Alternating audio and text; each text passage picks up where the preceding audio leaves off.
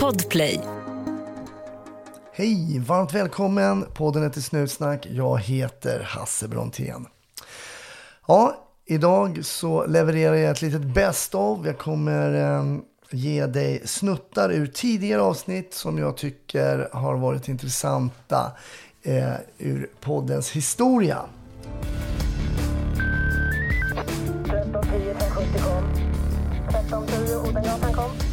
Ja, det är uppfattat. Vi tar det. Slut. Bra. Klart slut.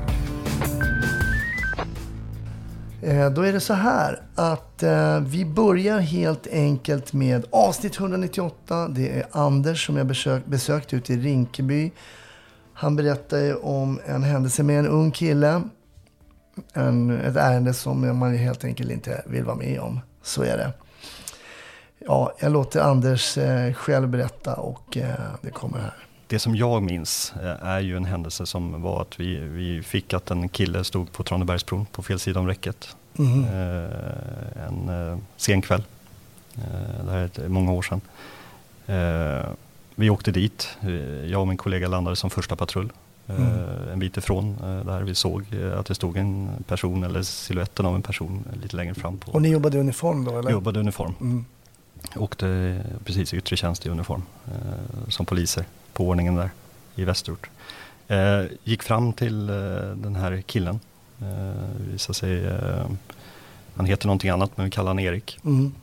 Han stod på fel sida om räcket och eh, grät. Han, eh, vi fick en ganska snabb bild i den här kontakten med honom. Liksom, eh, ja, vad säger man? Vad är de första orden? Liksom? Mm.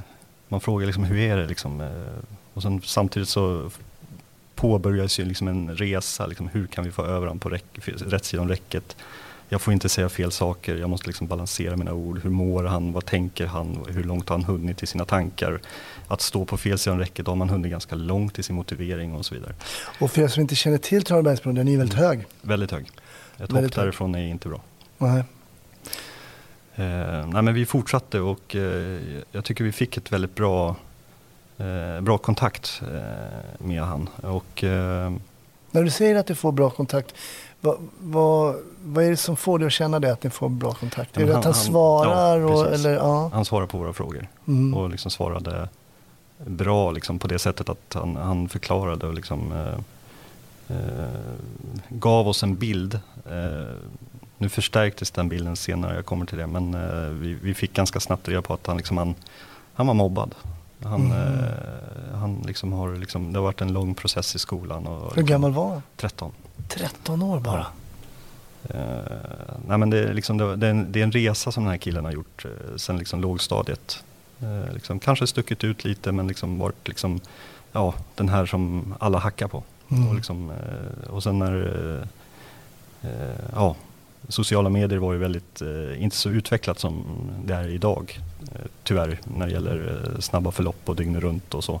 Mm. Men han, det fanns ändå vissa delar av sociala medier som han också blev uthängd på. Mhm. Och det var en del av de delarna som hade liksom blivit droppen till att han, nej, han, han ger upp. Liksom. Och eh, föräldrarnas vetskap om det här var ju väldigt begränsat. Han är liksom, det här var hans slutna liv Mm. som han brottades med. Eh, så vi fick ju en del sådana signaler i det samtalet.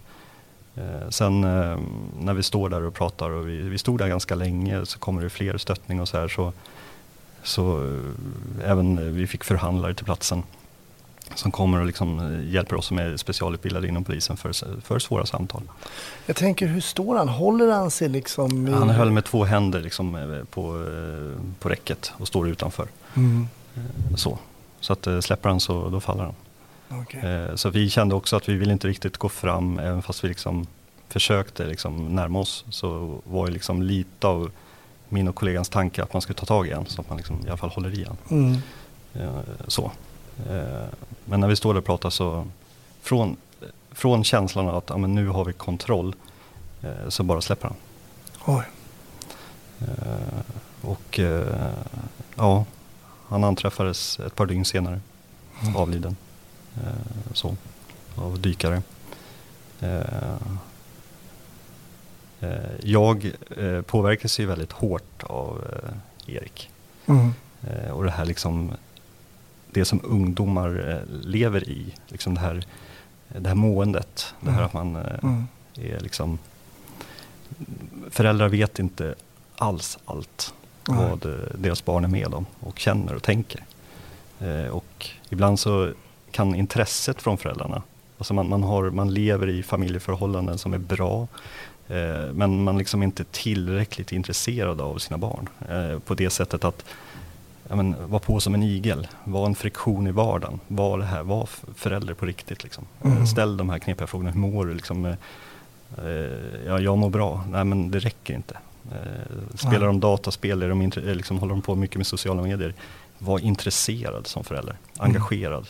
Inte dömande, utan eh, på riktigt engagerad. Mm. Eh, I det här så, föräldrarna var helt, vi, vi fick ju kontakt med föräldrarna för jag ville det. Jag ville liksom följa upp det här för det här kändes inte bra. Eh, jag Nej. behövde liksom ha ett, ett fint avslut. Vi gick även på begravningen sen också, jag Okej. och min kollega. Eh, men i kontakten med föräldrarna så hade de ingen aning om att han var mobbad. Oj. Eh, och det brukar ju en del föräldrar ha. Och en del Mm. föräldrar agerar ju riktigt bra. Eh, men en, här var verkligen en blixt från klar himmel. Oj. Och det vi hittade liksom i, i, eller det som föräldrarna hittade i hans rum och lite så, som bekräftade hans mående utifrån att han hade skrivit en del. Eh, liksom i, i, ja, som kladdar i en bok som vi hittade. Som föräldrarna hittade och visade oss. Då, eh, nej, men jag, jag känner att alltså mobbning är så sjukt, sjukt. Eh, och det är så många som är utsatta för mobbning. Mm. Att, eh, eh, ja, jag fick ett speciellt engagemang för, eh, för just mobbning. Mm, jag fattar. Jag tänker på det här, du berättade precis liksom i inledningen, du kommer till platsen. Vad har ni fått via radion där? Det är det just det, står en person på andra sidan räcket. Så ni vet Precis. ungefär vad ni är Ja. på väg mot. Va, vad pratar man som kollegor emellan om där? Hinner man säga någonting?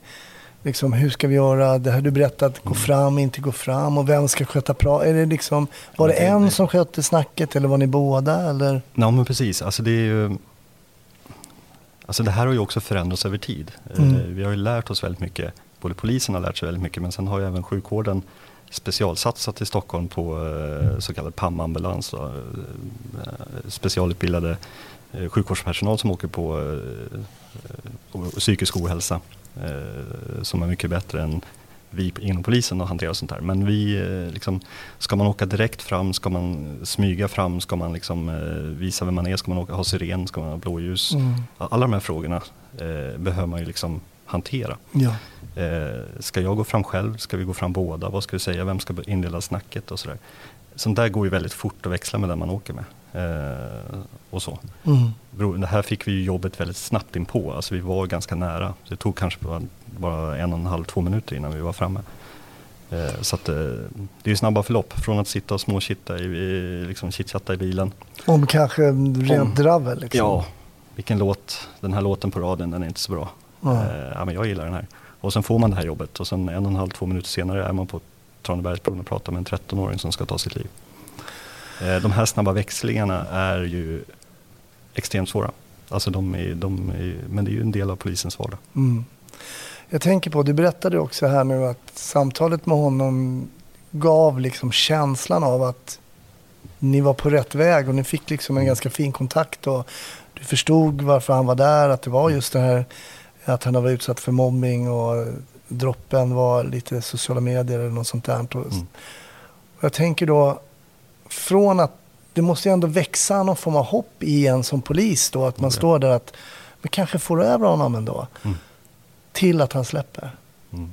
Hur är din, vad, vad händer i dig liksom när du bara ser Men att det- han alltså det försvinner? Ja, nej, det, det går inte att beskriva.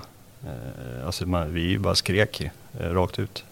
Bara nej. Alltså det, det blir verkligen, vi står i, eh, framför någon som mår dåligt. Det är liksom ett, eh, en människa, ett liv liksom. 13 bast, mår dåligt, vi är där för att hjälpa. Och sen är- har han hunnit, hunnit så långt i sin liksom, eh, motivation eh, i, i fel riktning och helt plötsligt släpper han taget. Alltså Mm. det blir ju en enorm resa mentalt för alla. Mm. Liksom, eh, man var ju nästan på väg att hoppa efter bara för att fånga honom. Liksom. Mm. Men det, ja, nej, det, det, går, nog- det går nog inte att beskriva känslan. Vad gjorde ni efter... eh, Ja, men han försvinner ner i, i Mm. vattnet och vad hände med er som patrull? Och, Ja precis, nej, det blir ju det blir en jättestor insats och det var en stor insats och det blev ju en räddningsinsats och man gick ner med dykare och båtar och grejer och det liksom eh, och vi var ju involverade i den insatsen och, och så självklart. Eh, Sen när allting lugnade ner sig och liksom man hittar ju inte honom och det är också en enorm frustration. Mm. Eh, Vem var han? Det är ju liksom första delen. Vi vet ju inte ens vem han är. Vi har ett förnamn, ungefärlig ålder. Eh, liksom, så här. Men det blev ju lite senare under natten eh, två föräldrar som eh, ringde polisen och saknade sin grabb. Mm, Så då det. kunde vi pussla. Men sen var ju inte identiteten fastställd för han var inte anträffad. Men vi hade lite bilder och så. så att vi, eh, men eh, det blir ju liksom en utredningsdel som gör att man bedövar ju liksom det man verkligen har varit med om. Mm. Engagemanget för att liksom hjälpa till och fortsätta insatsen är ju liksom, det drivet bedövar ju liksom smärtan man känner från händelsen. Ja, det är så att, att liksom fortsätta bara jobba på menar du bedöva lite själva det emotionella liksom. Ja. Sen, blir, sen hamnar man i en punkt när, eh, nu var ju jag eh, yttre befäl där, så jag var ju chef. Men, eh, och det är ju vi som ska beordra in personal som är med om svåra händelser för att ha avlastning. Just det. eh, avlastningssamtal. Eh, och det blev ju en, en annan chef som fick säga det. Mm. Att nu Anders, nu åker du in, nu ska du släppa det här och prata.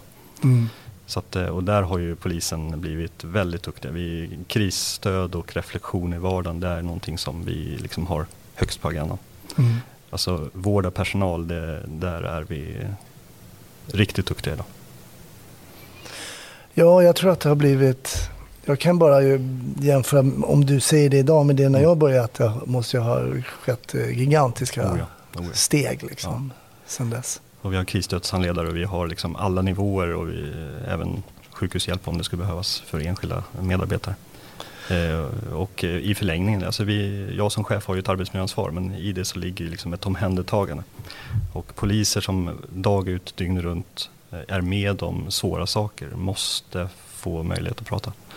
Eh, den här kårandan du pratar om, det är ju en, det finns ju en negativ och positiv men liksom det positiva är att svåra ärenden förenar oss och hjälper oss. Eh, Men i det så finns det en reflektionsdel där vi behöver verkligen prata om det. Mm. Och kunna liksom dels utveckla verksamheten men dels liksom överleva som individer Mm. för att ta oss vidare. Det, ja. Hur påverkade det, här stödet dig efter den här händelsen? Nej, men det blir ju liksom, man, man eh, bearbetar ju eh, saker. Sen var det liksom, dels krisstödet självklart får en att sortera. Men sen är ju också min, mitt behov att möta föräldrarna var enormt viktigt. Att ha kontakt med föräldrarna ett tag efter. Och begravningen blev ju också ett avslut eh, Mm. på något sätt. Så ett fint avslut. Mm. Eh, minnas liksom individen och det, som det goda. Just det.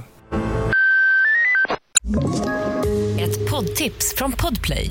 I fallen jag aldrig glömmer djupdyker Hasse Aro i arbetet bakom några av Sveriges mest uppseendeväckande brottsutredningar. Går vi in med hemlig telefonavlyssning och, och då upplever vi att vi får en total förändring av hans beteende. Vad är det som händer nu? Vem är det som läcker? Och så säger han att jag är kriminell, jag har varit kriminell i hela mitt liv men att mörda ett barn, där går min gräns. Nya säsongen av Fallen jag aldrig glömmer på Podplay. Nu går vi över till ett avsnitt som är till numret 134. Jag tycker att Stefan beskriver ganska bra i det avsnittet de tvära kasten, ska jag säga, de tvära kasten mellan de olika jobben som polis. Och eh, vi hör hur han beskriver det här. Det här var i samband med ett dödsfall. Eh, och eh, jag står i ett jättetrångt utrymme med den döda personen som har hängt sig. Och då ringer en kompis, en före detta kollega från eh, Irland då, som, eller han jobbar i Sverige men han har flyttat till Irland. Och vad vi har inte pratat på en stund så jag står så här jätte, jättenära den här personen och, och pratar liksom i telefon. Eh, Och det är ingen som ser det eller hör det så jag kan ju liksom prata och det var inget så här jätte... Det var jättetråkigt att den här personen tagit livet av sig. Men det var inget... Alltså det var tyvärr träffade ju på sånt så det var inte så här jätte... Ja. Jätte... Emotionellt. Nej, jätteemotionellt. Sen så skötte vi liksom, vi pratade med föräldrar och barn och så här, liksom, och vi, vi, var, vi skötte liksom på ett bra sätt som jag upplevde. Det var inget liksom något konstigt, men det var ändå, ja. Men nästa jobb då, nästa jobb, det var en rovfågel som två barn hade hittat som var skadad. Och då kommer det så här, jaha, då är det ju, kanske du vet att om det är vissa typer av rovfåglar så kan man inte bara, ja då måste man ju ta hand om dem. Ja. Fridlyst, och hur ser man skillnad på en sån? Alltså, jag är inte någon expert på att se om det är en rovfågel eller om det är en duva. Liksom. Och sen vissa rovfåglar kanske också en örn och en gam. Ja, det är en gam i och för sig, ingen rovfågel. Kanske. Men en falk. Ja, de finns. ja, vi har gamar har vi inte så många av, även fast jag bor ganska nära Kolmårdens djurpark. Eh, men eh, då fick jag ringa någon kompis då och eh, fråga, liksom, fanns det ormvråk, skillnad på en ormvråk och på en och sen sådär va. Och han beskrev det. Sen kom vi fram till de här två barnen. De visade sig vara scouter som hade, och nu kom en polis som skulle hjälpa och rädda den här fågeln då.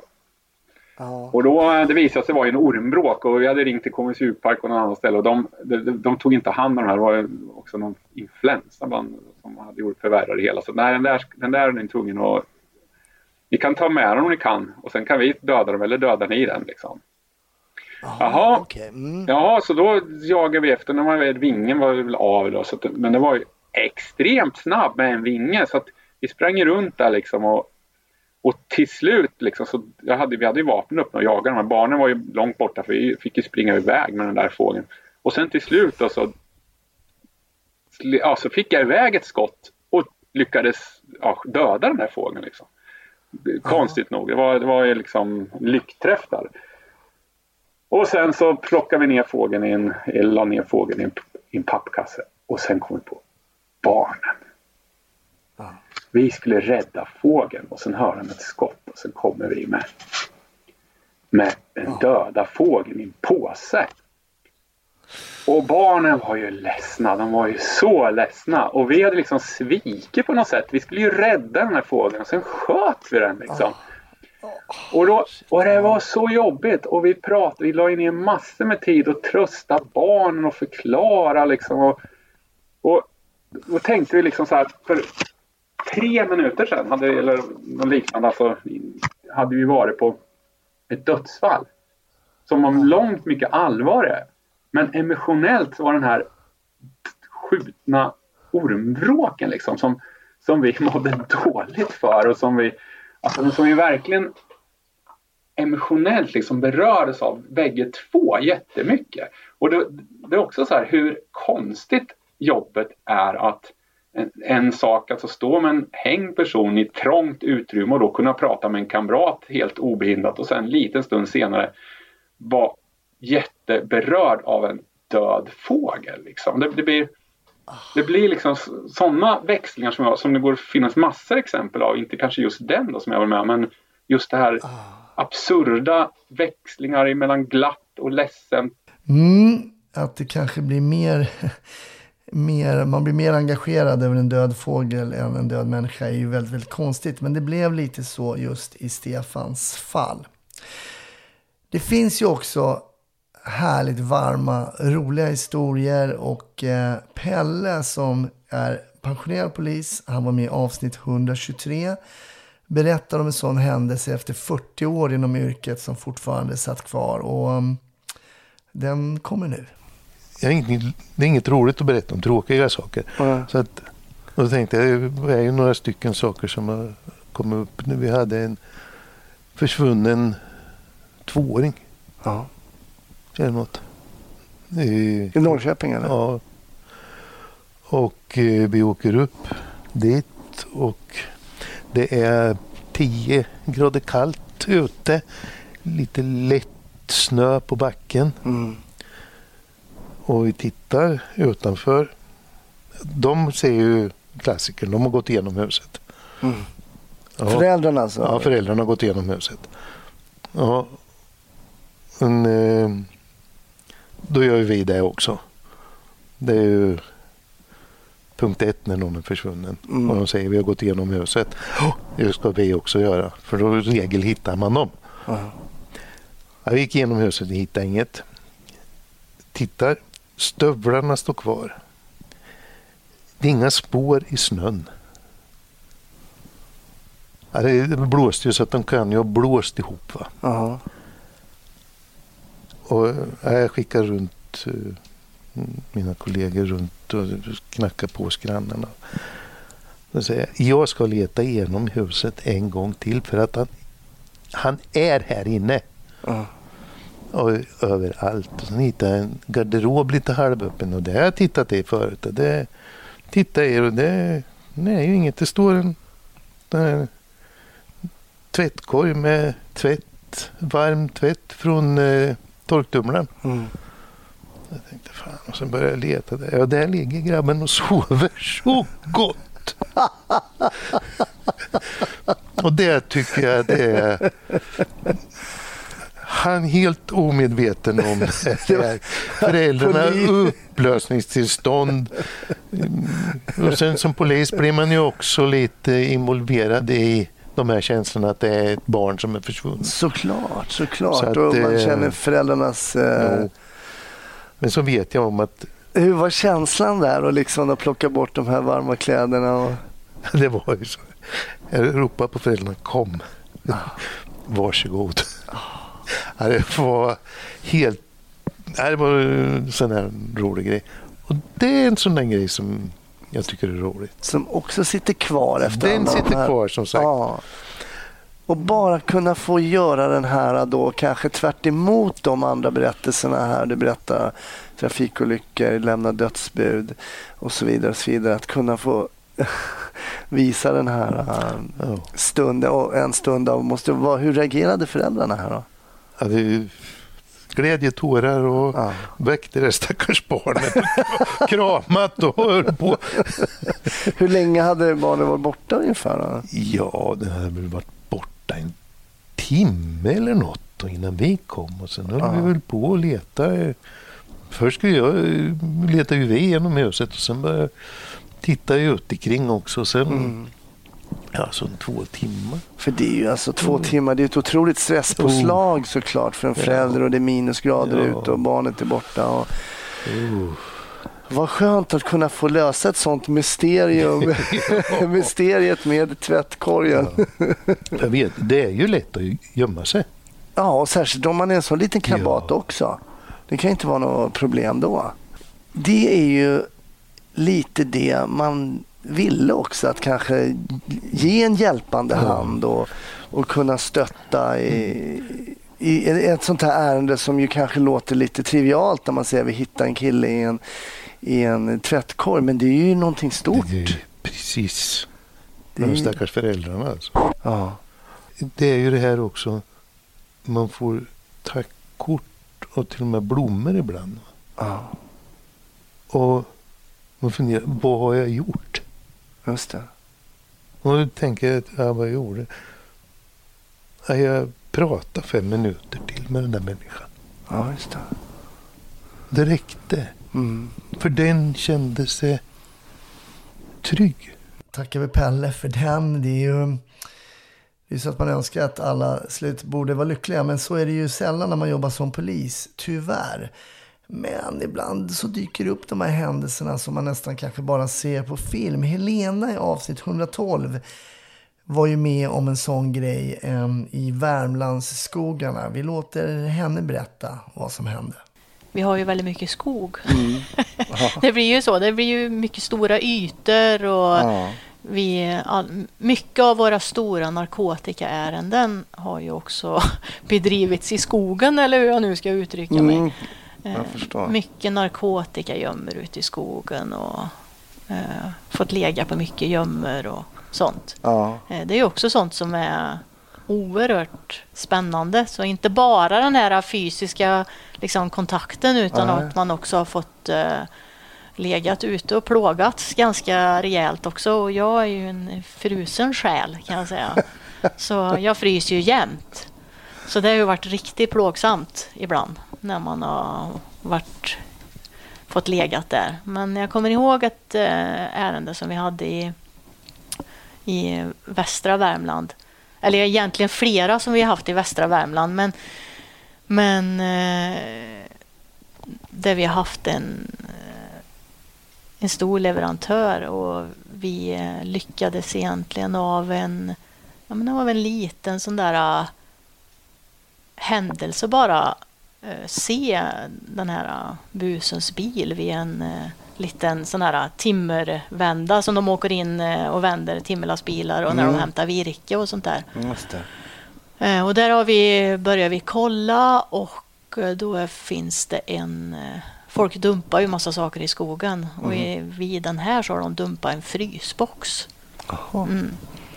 Och i den här frysboxen då så eh, ligger det ju amfetamin. En stor Okej. klump helt enkelt. Jaha. Så, man har gömt det? Som då? har gömt i, inne i där kompressorn ska vara i den här dumpade frysen. Så är det på sidan. Eh, Ja, där i hittar vi.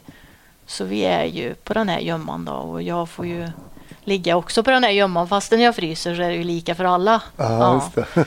Eh, Och det börjar, du vet, det är mörkt och det börjar regna och vi har ju varit där ett par dagar alltså. Eh, Mm. Så man börjar ju hänga lite med huvudet och um, tänka hur ska det här bli liksom. Men var det, hade, du säger att det var dumpat så det skulle se ut som att någon bara hade slängt det. Ja, men jag tror att de bara hittar en bra, en bra överlämningsplats helt enkelt. Ja, just det, ja, precis, Ja, att här Mm. blir ett bra, istället för att beskriva att eh, bakom tredje granen under Mm. stocken där så eh, lägger jag den här påsen. Så hade de väl tur och hade hittat en, en dumpad frys helt enkelt som de, som de gömde i. Och ehm, så jag fick ju ligga på den här gömman då. och sen efter någon natt där så eh, dyker det upp en bil. Mm. Så jag får ju börja åla mig framåt där mot den här frysboxen. Men hur långt Eh, ifrån ungefär ligger du då, då när du ser den här bilen och det? Eh, Och då ligger jag nog kanske 20 meter därifrån eh, in i skogen. För jag ligger under en gran för det är ju inget bra väder heller. Nej. Nej, Och så kommer ju bilen. Och då slår ju adrenalinet upp i, i taket naturligtvis. Ja. Och man går igenom allting. Vart har jag alla grejer? Du vet mängder av kläder på sig. Mm. Ja. Vart har jag pistolen om jag måste ha den? Hur ska Mm. jag göra? Hur ska jag orka springa? Om de springer. Hur, eh, vad var stelhetsgraden på dig där? Eh, jag var inte jättefräsch i benen kan jag säga. Men man får ju sånt adrenalin så att man liksom, man går ju in i den här tigerstadiet liksom. Ja, Mm. nu, nu händer det liksom. Ja.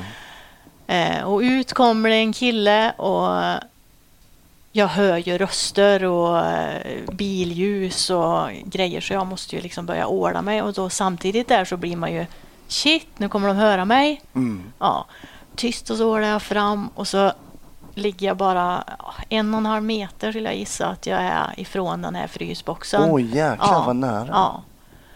Och så kommer den här killen och så hukar han sig ner och så säger han så här. Här är det! Säger han. På ren värmländska också då.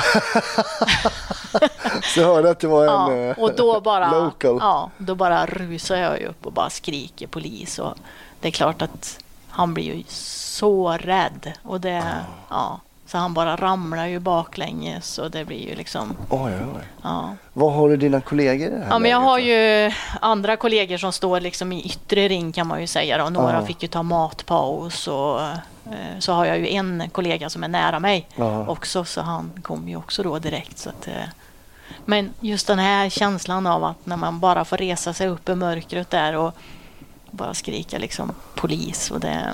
Ett ja. klassiskt sånt. Ja, men jag fånga vet. boven. Jag vet. Ja, ligga där i skogen stelfrusen och så kommer de som ska hämta narkotikan. Mm, då förstår man att adrenalinpåslaget är rätt så högt. Ett poddtips från Podplay. I fallen jag aldrig glömmer djupdyker Hasse Aro i arbetet bakom några av Sveriges mest uppseendeväckande brottsutredningar. Går vi in med hemlig telefonavlyssning och, och då upplever vi att vi får en total förändring av hans beteende. Vad är det som händer nu? Vem är det som läcker? Och så säger han att jag är kriminell, jag har varit kriminell i hela mitt liv men att mörda ett barn, där går min gräns. Nya säsongen av Fallen jag aldrig glömmer på Podplay. Vi rundar av avsnitt 27 där Petter berättar om den plus 80-åriga damen som var anhållen och skulle helt enkelt frihetsberövas och de problemen som kan uppstå även när någon äldre motsätter sig ett ingripande. Petter eh, får berätta. Nej, men jag tror att den här damen var i runda slängar, alltså hon var över 80 år, hon var ganska gammal och hade mm. Ja, men, rullstol som hjälpmedel och sånt där. Och, och eh, under ett tillfälle då så satt hon anhållen hos oss för om det var olaga hot eller övergrepp i rättssak. Eller... En, eh, en dam över 80 år alltså? Ja, det var någon sån här familjesörja eh, okay. som, som hade gått överstyr där. Eh, och, ehm, så hon satt anhållen hos oss eh, i alla fall. Och, och, och, ja, som det blev det i alla fall under tiden hon satt anhållen hos oss så, så eh, ville hon ha läkarvård. Eh, så de körde upp henne på psyket, så hon vart eh, inlagd på psyket. Då. Mm. Och befann sig där. Hon var fortfarande anhållen, men, men där gjorde väl landstinget en, en liten blunder att man inte tänkte på att hon var anhållen, så att man släppte ju henne. Oj. Eh, när, de, när de ansåg att hon var frisk då för att klara sig själv. Så de släppte ut henne eh, och eh, då fick vi det här till livs eh, och så fick jag och kollegan uppdrag att vi skulle åka ut då till, till den här orten där den här kvinnan bodde och det är ju en ort utanför Umeå, rätt många mil så det är väl det är lite banjoland sådär. eh, Sex fingrar på? Ja, jo, men precis. Eh, lite grann sådär. Eh, så, men, men, men vi hoppade in i, i, i bussen, jag och kollegan. Och då, den här kvällen då jobbade jag med en, med en väldigt erfaren kollega som har jobbat många år. Eh, så vi stack ju upp dit och jag menar, träden susade förbi och man satt en stund i bilen och vi satt och skojade. Och, och ja, det, var, så, det var ju som ett vanligt arbetspass.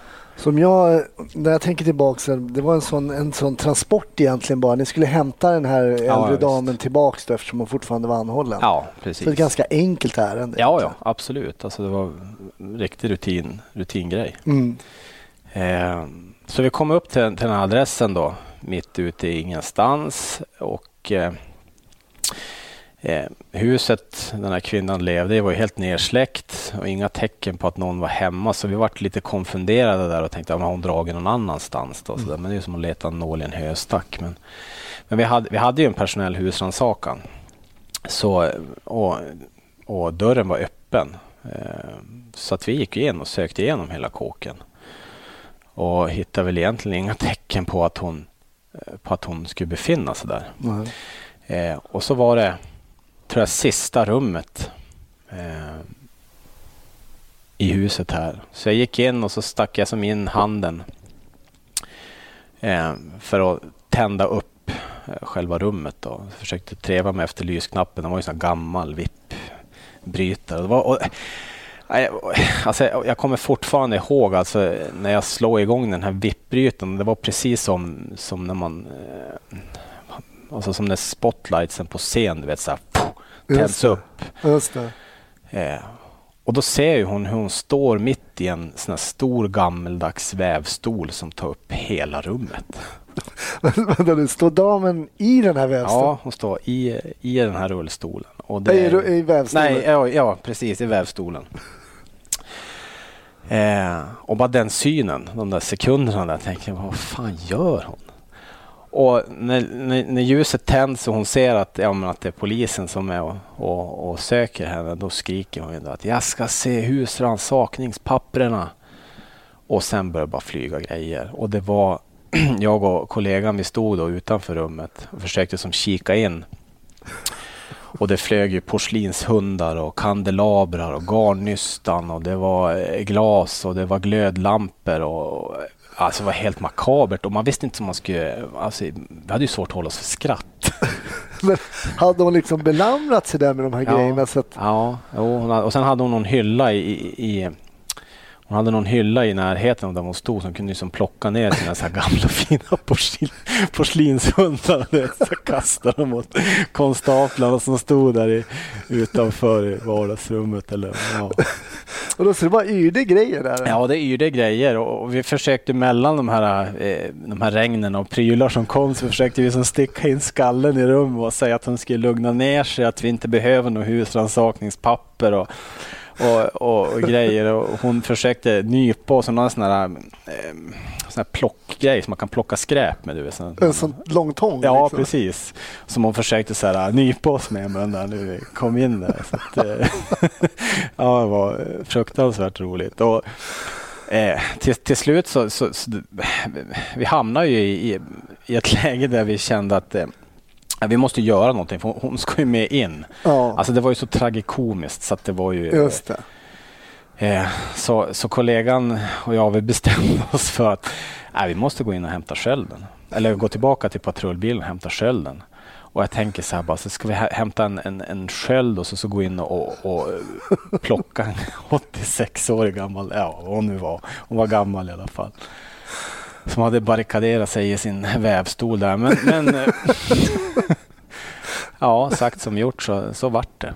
Så ja. vi, vi, vi gick in i rummet där och fick levererat lite porslinshundar och grejer och det var allt möjligt som flög mot den där skylten. Till slut så var vi så pass nära så vi kunde som få någorlunda kontroll på henne så att hon, eh, så att hon slutade kasta grejer. Eh, men då var det ju i, den här, i de här stora vävstolarna så är det ju trådar och grejer. Du vet.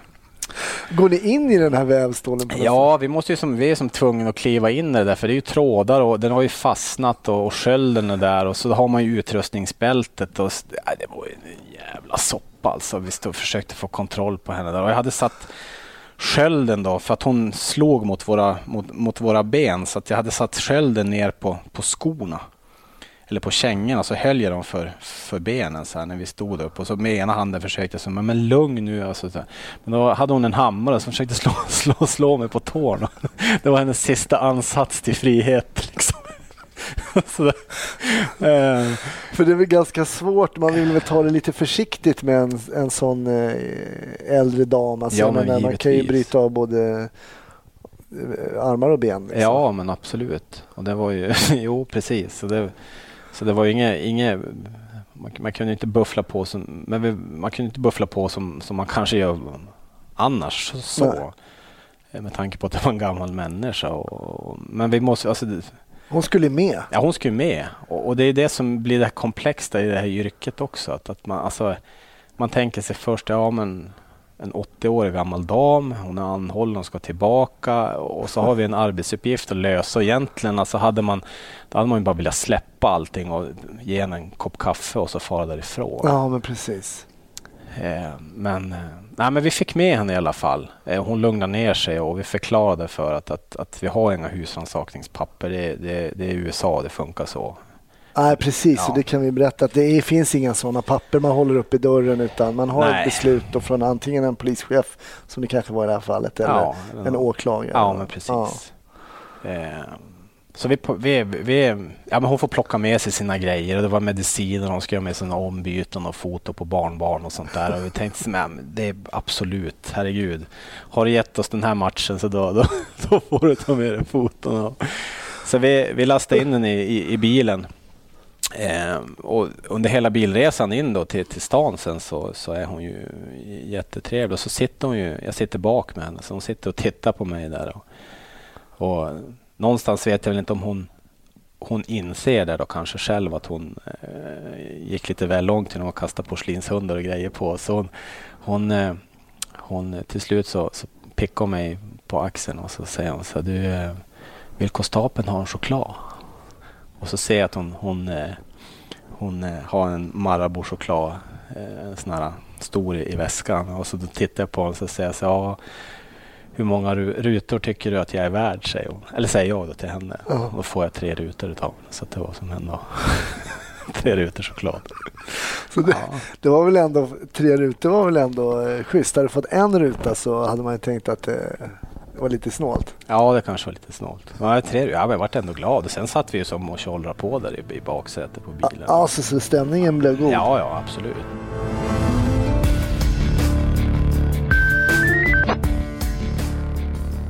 Sådär, det var lite urklipp ur podden.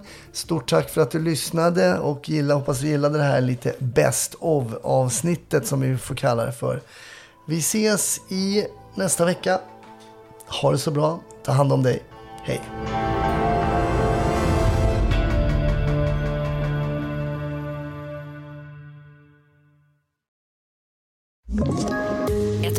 Poddtips från Podplay. I podden Något Kaiko garanterar östgötarna Brutti och jag, Davva, dig en stor dos skratt. Där följer jag pladask för köttätandet igen. Man är lite som en jävla vampyr. Man har fått lite blodsmak och då måste man ha mer. Udda spaningar, fängslande anekdoter och en och annan arg rant. Jag måste ha mitt kaffe på morgonen för annars är jag ingen trevlig människa. Då är du ingen trevlig människa, punkt. Något Kaiko, hör du på Podplay. Därför är gardinerna.